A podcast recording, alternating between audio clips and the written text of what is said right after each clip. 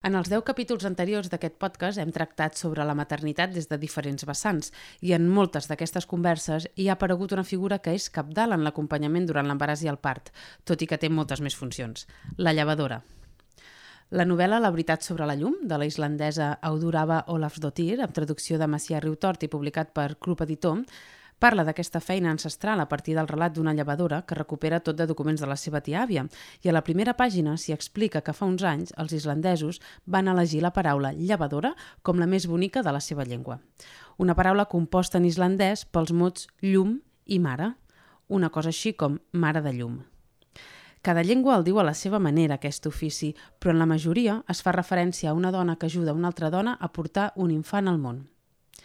En aquest programa i servidora solem fer servir la paraula llevadora, que etimològicament deriva de llevar, pel fet de llevar o treure l'infant de la mare. És el terme que es fa servir a bona part del Principat i el més divulgat pels mitjans de comunicació, però ben mirat, el mot que abasta més territori català és el de comara, que no cal anar al diccionari per entendre d'on ve.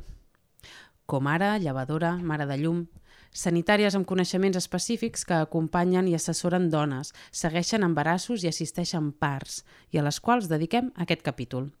Per això hem convidat Mariví Cambrador, que és la presidenta de l'Associació Catalana de Llevadores i des del 2018 coordinadora de la CIR Sabadell. Volem que ens expliqui quines feines fa una llevadora, principalment a la sanitat pública, quina importància té en l'acompanyament materno-infantil i en l'assessorament a la salut sexual i reproductiva, com ha evolucionat aquest ofici durant les darreres dècades i també per què actualment falten llevadores i què s'hi pot fer per revertir-ho, tenint en compte com pot afectar aquesta manca de relleu.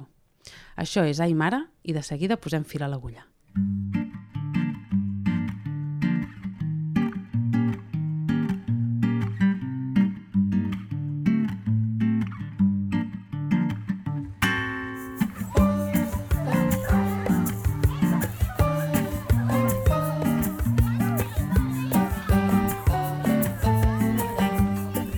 Ai Mare, el podcast sobre maternitats de VilaWeb, amb Bel Savalla. Benvinguda, Maribé, i moltes gràcies per, per acompanyar-nos avui. Et volia començar preguntant mm, quines feines fan les llevadores, perquè em sembla que encara hi ha un cert desconeixement, sobretot principalment en la sanitat pública, és a dir, ho tenim associat a l'acompanyament de les embarassades perquè és un paper molt important, però quines feines més fa una llevadora? Bueno, doncs les llevadores tenen unes competències que sobretot a més aquí a Catalunya estan molt desplegades. Tothom es coneix molt, molt pel tema de l'acompanyament en el part no? I, ens, i ens situa en els hospitals però després està a l'atenció primària hi ha un paper molt desenvolupat que és el que es fa a les serveis a les unitats de l'atenció a la salut sexual i reproductiva, els SACIRS i allà es fan doncs, una sèrie de tasques que és el control i el seguiment de l'embaràs i del postpart Eh? El part és a l'hospital, eh? nosaltres fem primer l'embaràs, el part a l'hospital i agafem després el postpart. Eh, i tota l'educació sanitària que comporta això, no? els grups de preparació al naixement i els grups de postpart. També es fa el que és la prevenció del càncer de cèrvix, la prevenció, eh, el diagnòstic i el tractament de les infeccions de, de transmissió sexual, eh, problemes de, de sol pelvià, menopausa, atenció als joves, és a dir, que és una cartera molt àmplia. També fem molta activitat comunitària, no? sessions en els centres educatius amb els joves, eh, amb els, a, a tercer d'ESO, més o menys que fem eh, xerrades i sessions d'educació afectivo-sexual, eh, i també aquest any hem fet lo del el pla d'equitat menstrual i després també amb dones adultes, no? dones migrades, treballadores sexuals, etc. I a, mi, a més som les encarregades de fer una detecció universal a l'embaràs de la violència masclista i també de la salut mental. És a dir, que com veus és, és potser desconegut, però té, té molta cartera de serveis dintre de l'atenció primària, la llevadora. Ara que des això de, de la violència i, i, i la salut mental, eh, en què es tradueix exactament això? Nosaltres, tota embarassada que ve, eh, tres cops, un cop per trimestre, eh, passem una escala eh, que és el Partner Violence Screening, eh, que són tres preguntes eh, que es fan, eh, procurem sempre que, és quan la dona, que sigui quan la dona ve sola, visitar-se, i li fem un tres preguntes que ens situen, solament que una de les tres sigui afirmativa, ja vol dir que té un problema de violència masclista. Llavors això es parla amb ella, es canalitza, veiem si vol denunciar, oferim els recursos que, ten, que tenim al territori, eh, els, els serveis al CIES, al CIAT, és, és a dir, que el que fem és intentar eh, fer, quan fer un primer abordatge, no? i uh -huh. també es fa un altre cop en el puerperi. Uh -huh. I això també feu el mateix, un, aquesta mena de, de criba amb, amb, per detectar mm, possibles trastorns de, mentals. Sí, el, igual, és a dir, per veure sobretot depressió, ansietat, eh, valorar la salut mental el començament de l'embaràs, també a, mitjans, a, a mig embaràs i després en el postpart, que en el postpart hi ha una mica més de risc, eh, perquè el que, llama la, el que hi ha el que es diu la tristesa puerperal. Uh -huh. I escolta, ara us trobeu que, que falta relleu en un ofici tan important com, com aquest. Què ha passat exactament? Per què no tenim llevadores? Eh, hi ha una, un dèficit estructural de llevadores per dues qüestions fonamentals. La primera és que hi tenim una oferta formativa insuficient. O sigui, la formació es fa pel sistema EIR, tothom li sona molt més potser el MIR, bueno, doncs, sí. doncs és el d'enfermeria interna resident. Llavors, eh, solament surten 420 places per tot Espanya, de les quals 77 són per Catalunya. Però durant uns anys, del 2010 fins al 2022, han sortit menys de les 77 que Catalunya té acreditades. 68, 70, i han perdut en aquests 12 anys doncs, del, val, més o menys unes 145 places. Per altra banda, també va haver-hi un forat de l'any 1986 al 1996, 9 anys, que no es van formar llevadores perquè s'havia d'adaptar al programa educatiu a les normes europees. Llavors, fins que es va fer, es va endarrerir, durant 9 anys no van sortir llevadores i ara doncs, aquestes llevadores estan a punt de jubilar-se. És a dir, per exemple, jo vaig ser l'última promoció del clínic.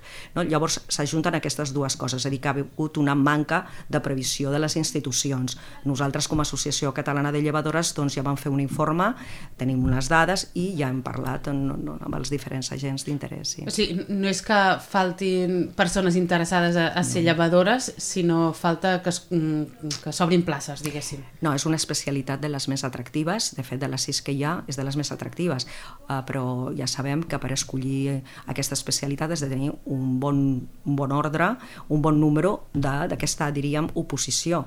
Eh? I llavors això és el que et marca, perquè hi ha més especialitats, pediatria, geriatria, però que la de llevadora és molt atractiva i que té molta demanda i que hi ha gent que inclús necessita 3-4 anys per superar-la i agafar un, una plaça eh, doncs d'aquestes acreditades és així. Perquè per ser llevadora, per tant, s'ha de fer això, s'ha de fer infermeria uh mhm. -huh. i després l'especialització... Exactament. Tu has de fer el, gra el graduat universitari d'infermeria i després has de fer aquest examen, que és el EIR, és el que es diu la formació sanitària especialitzada, que això aglutina MIRS, PIRS, que és els psicòlegs, és a dir, l'EIR, que es fa a nivell nacional. Eh, eh llavors, és un examen que t'has de preparar, és dur, mm. i com et dic, després és el que marca que tu eh, facis, que, escull, que facis l'elecció de, de la, bueno, del lloc de l'especialitat i del lloc, de l'hospital eh, que, té, que tingui una unitat docent per fer-ho. I el fet que això, que, que no s'hagin obert prou places fa que em sembla que darrerament s'estigui plantejant de crear, no sé si un màster o un grau per, com per fer una mica de via. Mm bueno, un màster no, va, no. Haver, va haver una proposta però mm. es va, no, no, no interessa. El que sí que ens interessa, el que estem plantejant és una cosa embrionària, però potser eh, explorar la via de fer un grau independent de llevadora, que la resta d'Europa ja està. És a dir, que, per exemple, a França la, la, el, la universitat el, la, tenia el títol de llevadora són 5 anys, a Alemanya 4, la majoria dels països de l'entorn d'Europa són de 4 anys. Llavors hem d'explorar aquesta via perquè això sí que ens permetrà que eh, tenir més places no? perquè clar, diríem que és un embut, no? és un, és, hi ha un filtre molt important al final d'enfermeria per eh, accedir a una plaça de llevadora.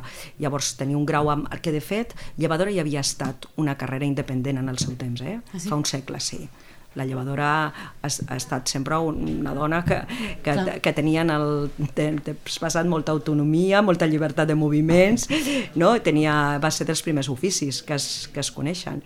I llavors, bueno, va ser eh, una carrera a part i després, bueno, amb el, després ja es va aglutinar amb infermeria i tot això. I, I justament la falta de llevadores també és la raó que es va esgrimir per tancar la casa de parts de Martorell, mm. ara fa relativament poc. Ens, Explica'ns exactament què, què va passar. La Casa de Parts de Martorell va ser... La, la causa sempre és multifactorial. Eh, els hospitals sí que tenen un dèficit de llevadores i s'ha de fer eh, un, bueno, o sigui, les cobertures de l'estiu no són fàcils, eh? però bueno, hi ha llevadores que treballen a dos llocs, a primària i hospital, i això fa que ens n'anem sortint bastant bé. El que va passar a Martorell és, primer, el problema de dèficit de llevadores, això va portar doncs, a una sobrecàrrega assistencial, gent que doblava torns, eh, que feia hores extres, i algunes, doncs, algunes llevadores van dir bueno, això ja és insostenible. Però a, a tot això es va fer així que el treball d'equip era bastant millorable. És a dir, de tots els, els professionals que estan en l'acompanyament al parc, que són pediatres, anestesistes, ginecòlegs, eh, eh, mancava una mica de cohesió i que el centre de naixements està al costat de la sala de parts, però s'ha de treballar en col·laboració. Llavors el treball eh, era millorable, eh, mancaven uns protocols conjunts eh, i tot això i en, en algun determinat moment un, no, no molt recolzament de les institucions, llavors sí que ja va haver una sortida massiva de llevadores i llavors ja la situació va ser insostenible i es va haver de tancar.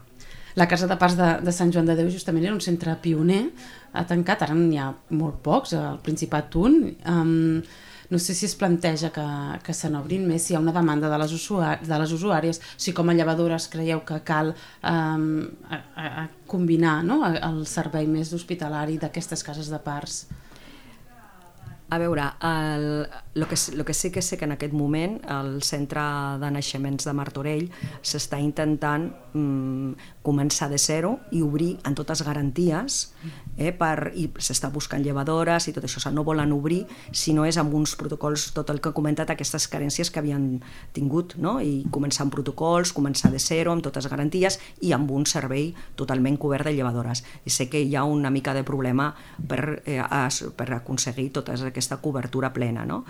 Perquè clar, era, va ser un centre eh, pioner al territori espanyol i doncs ara bueno, ens queda una casa de parcs que funciona també molt bé, eh, però és que el de Martorell ha estat referent, o sigui, gent de diferents àrees territorials de Catalunya anaven allà. Doncs ara tenim la Casa Laietània, que està a Can Ruti i que funciona molt bé.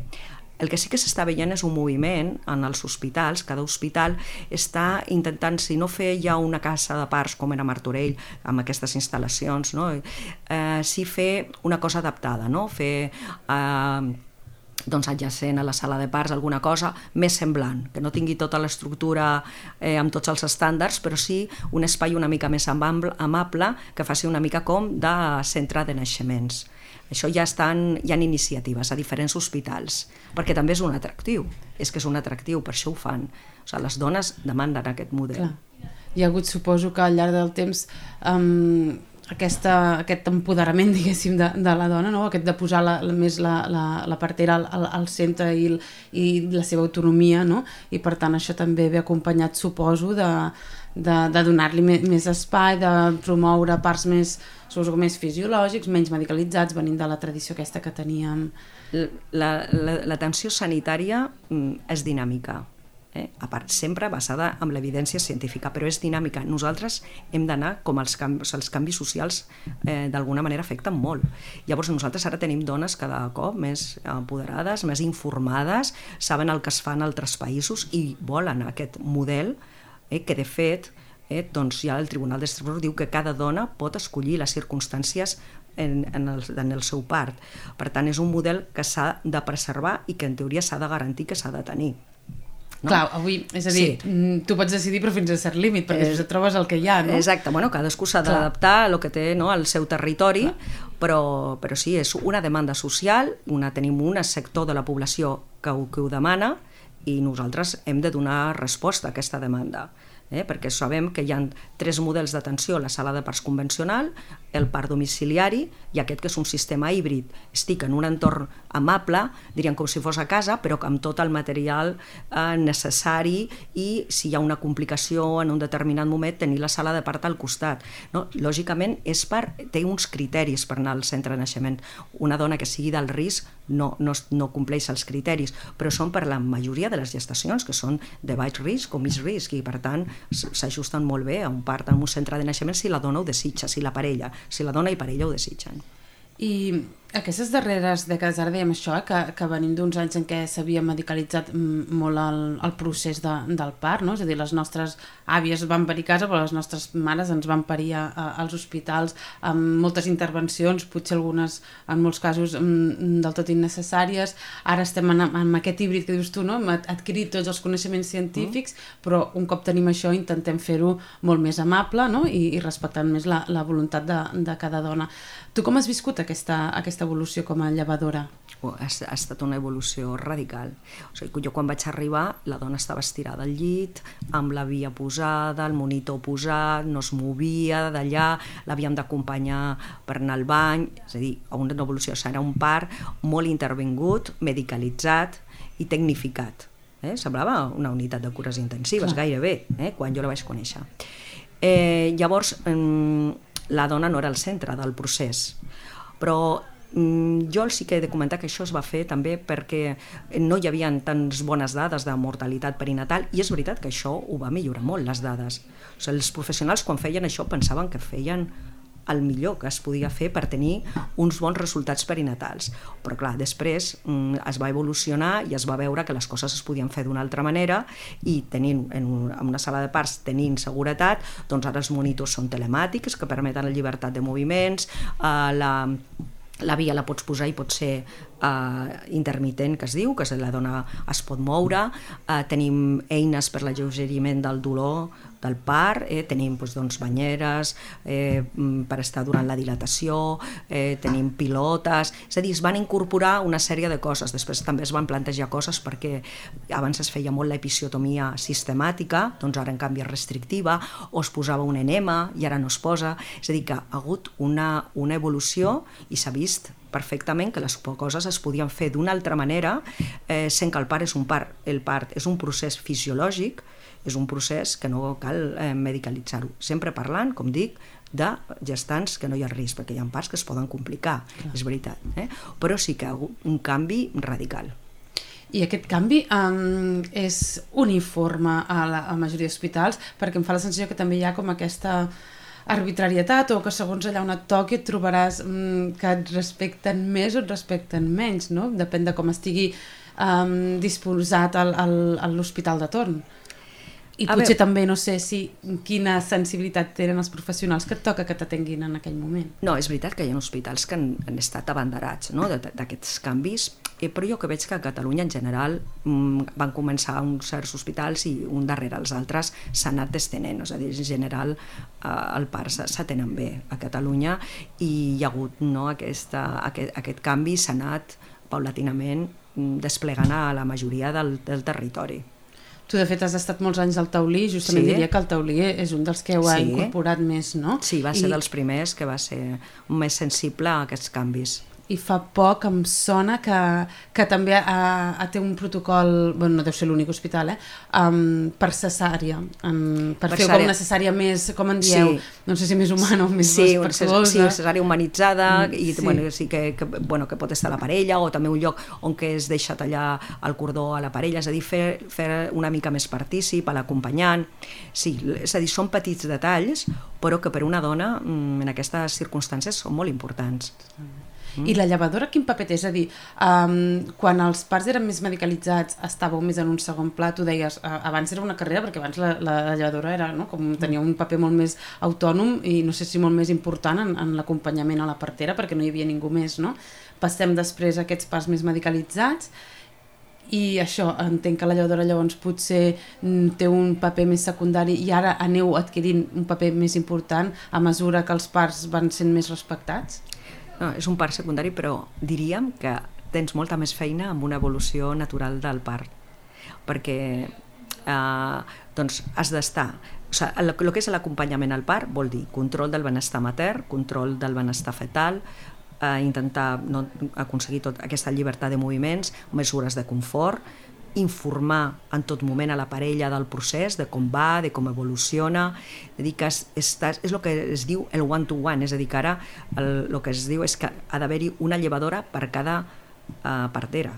eh, per, per estar per ella, perquè es necessita eh, afavorir doncs, eh, que si la banyera ara una estona, que si ara... És, és a dir, dona, eh, diríem, més feina, no? encara mm. que és gratificant, és el que la dona vol, però és, és, és, és més laboriós eh? Exacte. que un pare d'aquests que la dona està allà estirada i no es mou eh? clar, clar no, Llavors, tenim un paper més important exacte, i, i de quina manera voldrà esperir quina posició, és a dir que es dona llibertat, no? de fet ja saps que hi ha un document, no? segurament ho sabeu que és el pla de naixement, que ja és un document que la dona omple abans d'anar a la sala de parts amb les seves diríem, bueno, amb les seves decisions allà, no? i que sempre es tracta de respectar eh, si no hi ha cap complicació. És a dir, que sí, que, que l'acompanyar és un acompanyament holístic, mm. no? és, és físic, és psicològic, perquè hi ha moments de desmoronament i de tot, no? i has d'estar allà.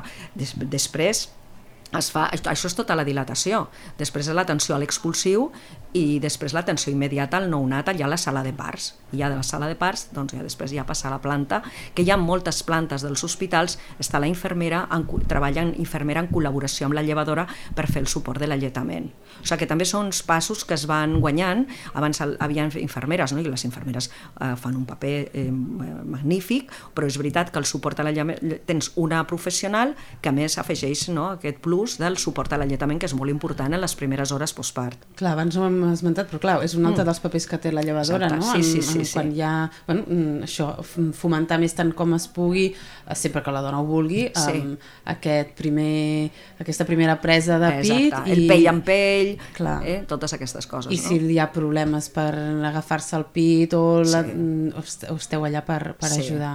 Home, el postpart és un, una etapa que es necessita de molt seguiment Clar. Eh? i d'estar allà al costat de la dona. I a mi també em fa la, la sensació que, que la llevadora també hi aporta una part com més humana i més empàtica, no? Que ara això que diré és políticament no, no, gaire, no gaire correcte, però que potser la, la rebem més de part de les llevadores que, que, i no tant de part dels obstetres, no? Aquesta cosa...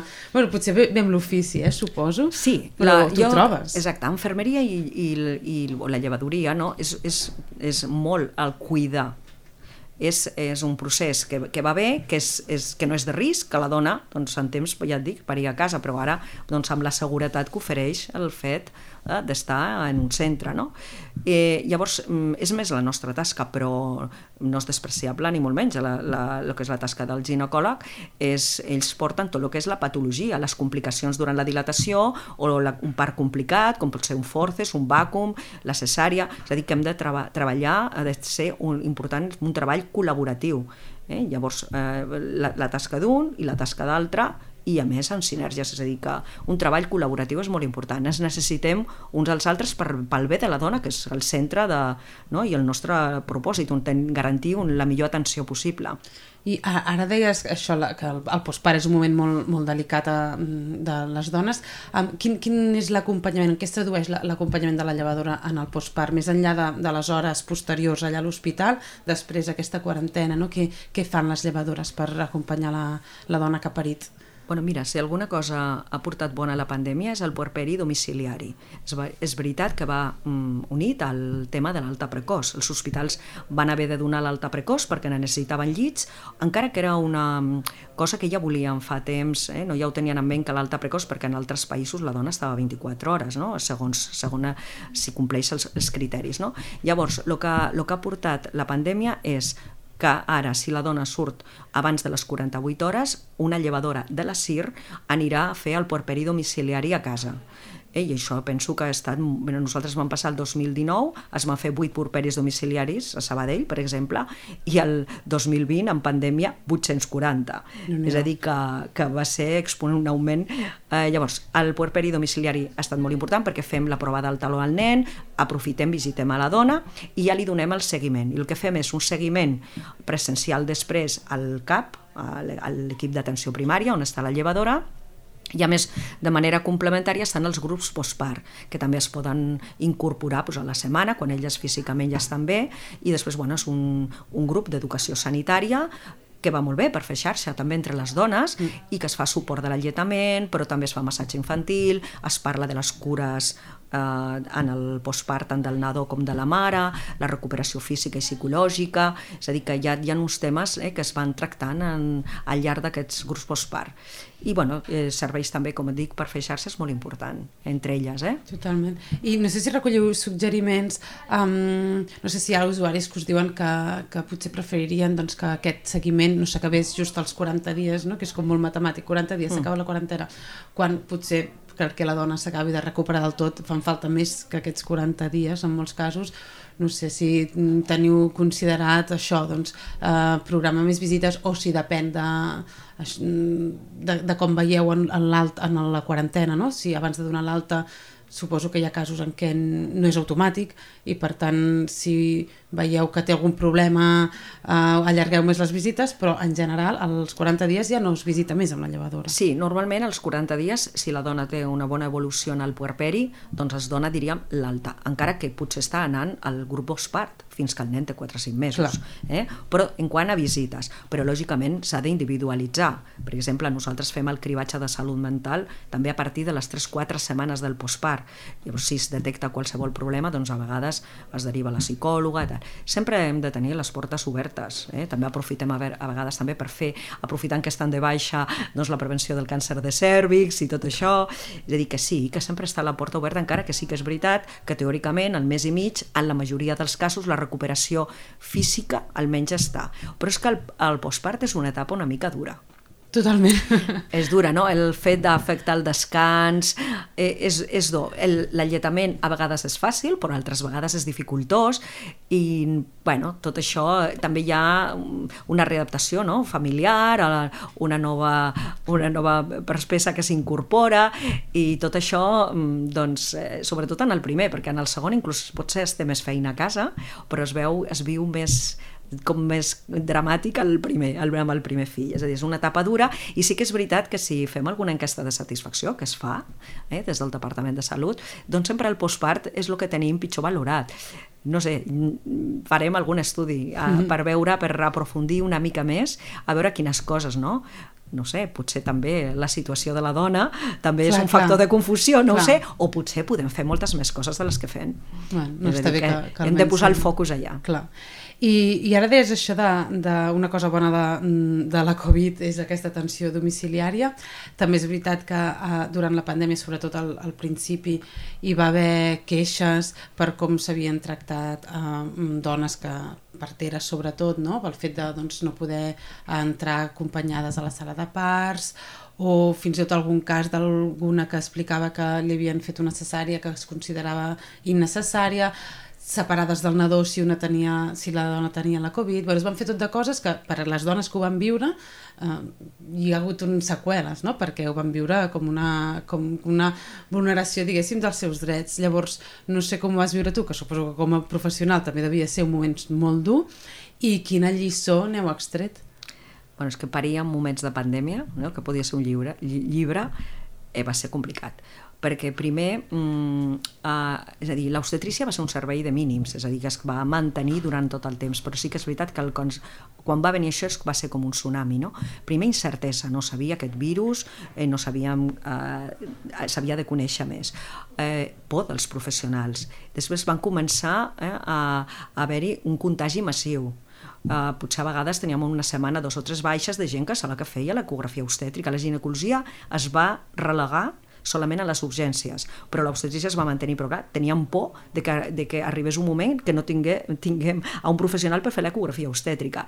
Llavors això va ser que quan es va dir, bueno, doncs no poden passar els acompanyats i tot això, va haver-hi una demanda social i quan, en quan vam poder ho vam revertir, perquè sí que, eh, clar, eh, és un tàndem. El pacient no solament és la dona en el cas de l'embaràs, és el tàndem de la parella, llavors sí que vam ser molt sensibles i, i crec que va ser el primer acompanyant que va entrar a qualsevol servei eh, sanitari. Eh, o sigui, que vam tenir bastant sensibilitat, però sí que és veritat que no en negaré que hi havia molta incertesa, eh, molt por i després les, feies una PCR i trigaven dues setmanes en donar-te el resultat, eh, tota la gestió de les baixes s'allargava molt i potser per un Covid, que després ara és com una cosa curta, doncs estava en un mes, fora, eh, que, no, que des de riscos laborals deia no, no, no, no es pot incorporar perquè fins que no tingui dos PCRs negatives, els protocols anaven canviant, bueno, era una mica caos bueno, que hem d'aprendre segur, hem tret alguna cosa bona, hem dit, els puerperis domiciliaris, va haver-hi un desenvolupament de lo que és la,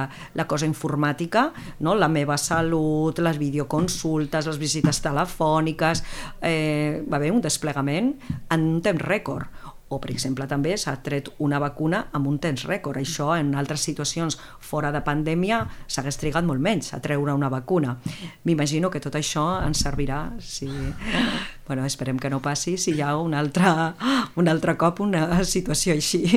Almenys tenir material, tenir equips de protecció individual, tenir mascaretes, que tot això també va ser problemes al, a l'inici de la pandèmia. Tenir material per protegir-se i també, relacionant-ho amb, amb, amb les embarassades, tenir com aquesta sensibilitat, no? que també sí. cal que estigui en els llocs de gestió, no? de, sí. al final és, hi ha una qüestió és política. Que és, no? és que és un, però és un dret.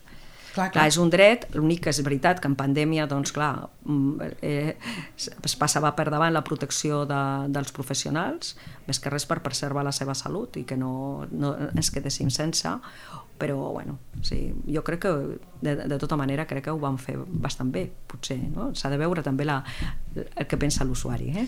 I a mi m'agradaria demanar-te una mica per la teva trajectòria, és a dir, ara que parlàvem a més a més de que hi ha aquesta manca de relleu, a tu què et va motivar per fer-te llevadora?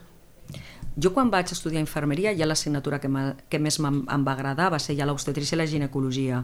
Llavors, de tot el que vaig veure, doncs ja vaig, vaig tenir com a preferència la salut de les dones. Jo estic supercontenta. Penso que qualsevol cosa que de, de dones m'hagués agradat, però infern, la, infern, el que és eh, la salut de les dones és molt atractiu, és molt gratificant, s'estableix un vincle molt estret, el que és en el control de l'embaràs, és un procés, que són 7 o 8 visites, que saps moltes, saps moltes coses de, de, la, de la pacient, s'estableix un vincle eh, molt important, és molt gratificant i estic molt, molt orgullosa d'aquesta elecció. No sé si tens comptades quantes dones has, has acompanyat fins ara, suposo que és impossible tenir-les comptades. No, acabes perdent el compte. Quan tu acabes, estàs molt il·lusionada i vas fent la llibreta, sí, eh? vas posant els parts, pare, el 100, el 101, el no sé què, i arriba un moment que ja et descomptes i ja, ja deixes, deixes de comptar. Ja. I, i, I hi ha casos que recordis així com més, més especialment de, de, tots els que, de tots els que has seguit, acompanyat? Doncs, eh, com a la nostra especialitat, diria, doncs ja es dona per pressuposat que tot és alegria no? i les expectatives són molt altes. Llavors, el que marca més és quan hi ha complicacions. Complicacions en el part, amb un resultat advers, o, per exemple, quan hi ha una mort eh, fetal en tapart, tot això és el que m'ha marcat més, perquè a més després la dona ha de passar el part. No? I com ho expliques i passar per un part amb aquestes circumstàncies, tot això et marca molt. Nosaltres, de fet, impacta amb nosaltres, som les segones víctimes també. Eh? Quan les coses no van bé, som les segones víctimes i és un plus emocional que t'has de saber gestionar no? i que en el temps, doncs, amb els anys, doncs, vas gestionant a, a que això, perquè el que passa a la dona o a la dona que ha estat amb tu i aquestes complicacions les vius molt, molt de, de prop. Perquè no sé si existeix alguna mena de suport psicològic per... Sí, sí. pels professionals, sí, sí. també, també. Mm. Sí, sí, sí. Ja diu, el que es diu segones víctimes. És a dir, cada cop que hi ha un resultat advers, normalment el professional és una segona víctima del procés i hi ha un recolzament. Abans no, eh? Però ara ja en l'ICS ja, ja se sap i està mm. eh, des dels departaments de qualitat i tot això i seguretat del pacient ja es, ja es parla d'això i ja es tenen eines pels professionals també.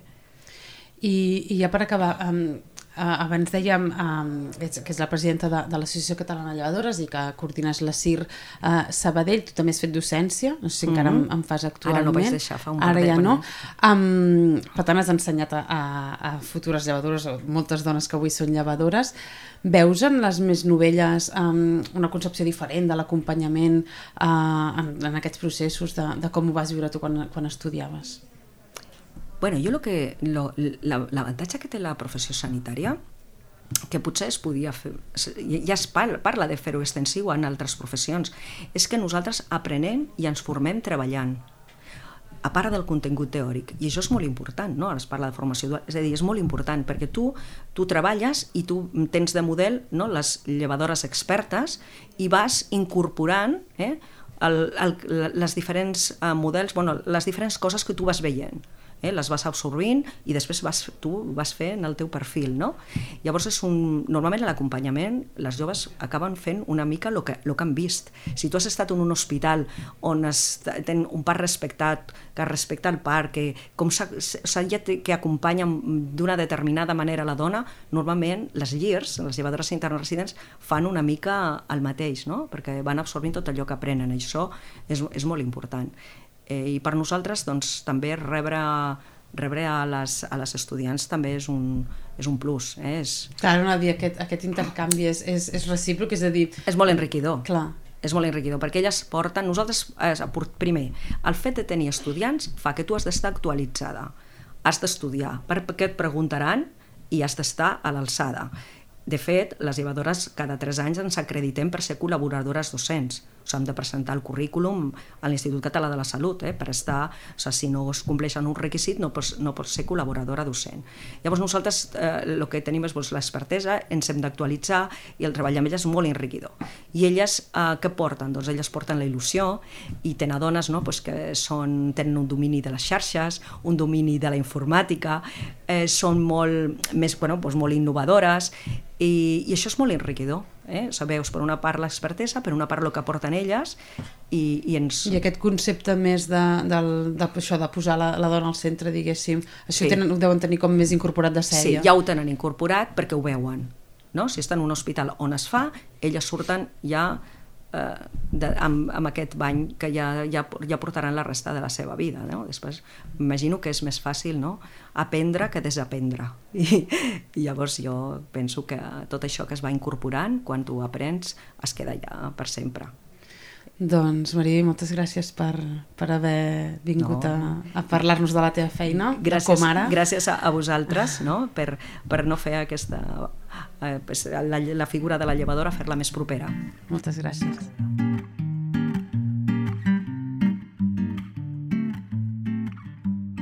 Heu escoltat Ai Mare, el podcast de VilaWeb sobre maternitats, conduït per Bel Savalla, amb Carles Garcia a la part tècnica i a les veus, Carla González.